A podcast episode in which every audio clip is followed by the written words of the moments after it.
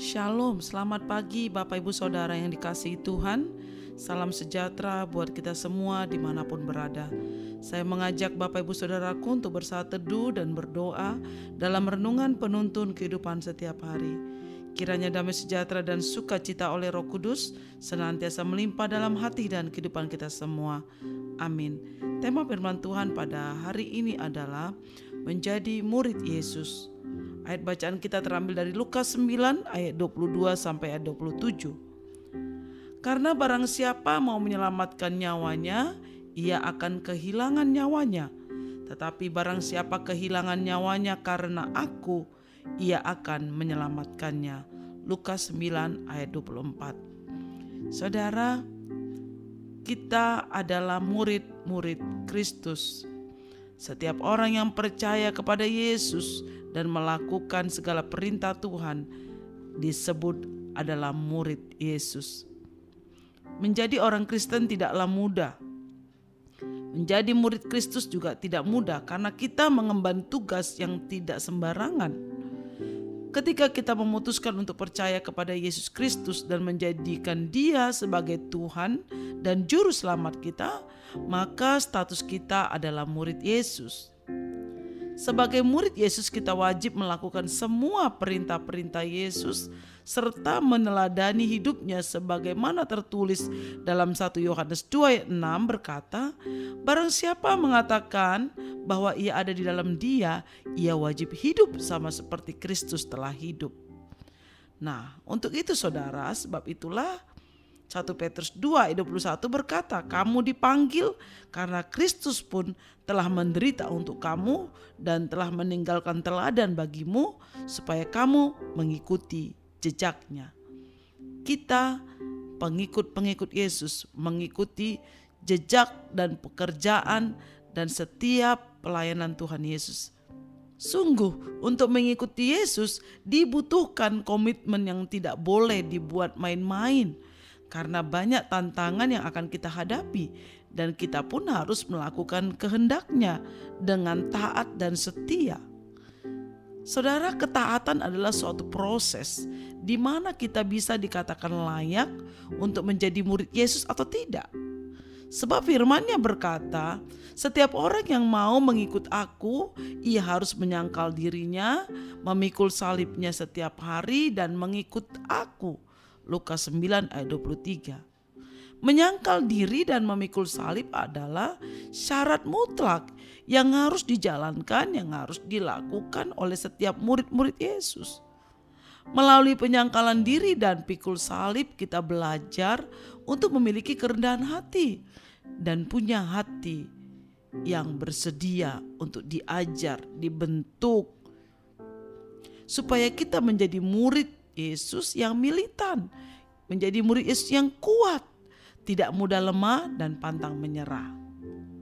Karena itu kita harus belajar kepada guru kita yaitu Tuhan Yesus.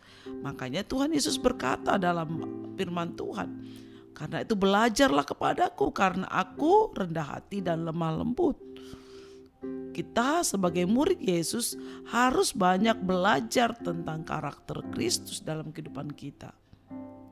Mengapa kita diizinkan melewati ujian atau tantangan ketika kita menjadi murid Yesus? Ini adalah untuk membuktikan kemurnian iman kita yang jauh lebih tinggi nilainya daripada emas yang fana, yang diuji kemurniannya dengan api, sehingga kita beroleh pujian dan kemuliaan dan kehormatan pada hari Yesus Kristus menyatakan dirinya. Saudara 1 Petrus 1 ayat 7 berkata, maksud semuanya itu ialah untuk membuktikan kemurnian imanmu yang jauh lebih tinggi nilainya daripada emas yang fana yang diuji kemurniannya dengan api sehingga kamu memperoleh puji-pujian dan kemuliaan dan kehormatan pada hari Yesus Kristus menyatakan dirinya. Dalam mengikut Tuhan Yesus, kita pun harus memiliki integritas dan jangan sampai ada kepura-puraan. Tidak ada kata setengah-setengah atau suam-suam kuku. Sebab jika demikian Tuhan akan berkata, Aku akan memuntahkan engkau dari mulutku. Wahyu 3 16. Saudara ada harga yang harus kita bayar. Banyak orang Kristen yang masih berkompromi dengan hal-hal duniawi. Banyak anak-anak Tuhan, orang-orang percaya yang masih melakukan hal-hal yang dunia lakukan yang tidak berkenan di hadapan Tuhan. Karena itu pagi hari ini saudara, ketika kita mendengarkan renungan ini bahwa kita adalah murid Yesus, kita adalah yang dipilih, yang dipanggil Tuhan untuk menjadi muridnya. Karena kita itu harus hidup berpadanan dengan Injil Kristus. Kita harus hidup sebagai murid yang melakukan kehendak guru dan pengajaran guru yaitu Tuhan Yesus Kristus. Kata saudara hari-hari ini kita percaya Hari-hari ini adalah hari-hari pencurahan Roh Kudus, di mana Roh Kudus dicurahkan atas murid-murid Tuhan Yesus pertama kali di loteng ketika mereka berdoa bertekun bersama. Dan firman Tuhan katakan, murid-murid Tuhan Yesus mereka melihat ketika Tuhan Yesus naik ke surga.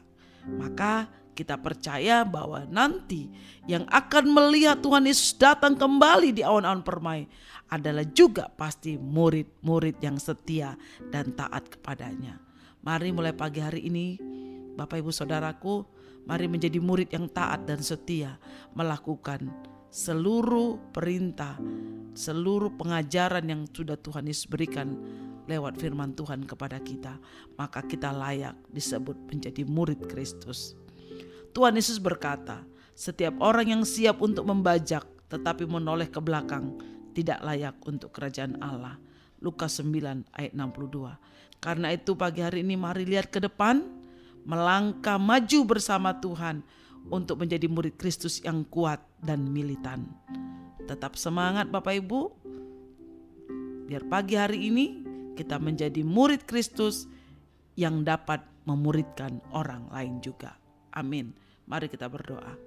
Bapak di surga kami mengucap syukur buat firman Tuhan pagi hari ini. Tuhan engkau mengingatkan kami bahwa kami adalah murid Tuhan. Dan murid Tuhan adalah murid yang mengerti dan melakukan segala perintah dari Tuhannya. Yaitu engkau sendiri Tuhan Yesus dalam kehidupan kami. Karena itu Tuhan jadikan kami murid yang setia dan kuat dan militan. Supaya ketika engkau datang kami boleh melihat engkau datang di awan-awan yang permai. Menjemput kami sebuah murid-murid Tuhan. Terima kasih Bapa, terpujilah namamu dalam nama Tuhan Yesus. Haleluya. Amin. Kiranya berkat yang sempurna dari Allah Bapa, kasih karunia daripada Tuhan Yesus Kristus dan persekutuan dengan Roh Kudus menyertai kita dari sekarang ini sampai selama-lamanya. Amin. Maju terus dalam tuntunan Tuhan saudaraku tetap semangat dan setia. Sampai jumpa esok hari di penuntun kehidupan setiap hari. Tuhan Yesus memberkati.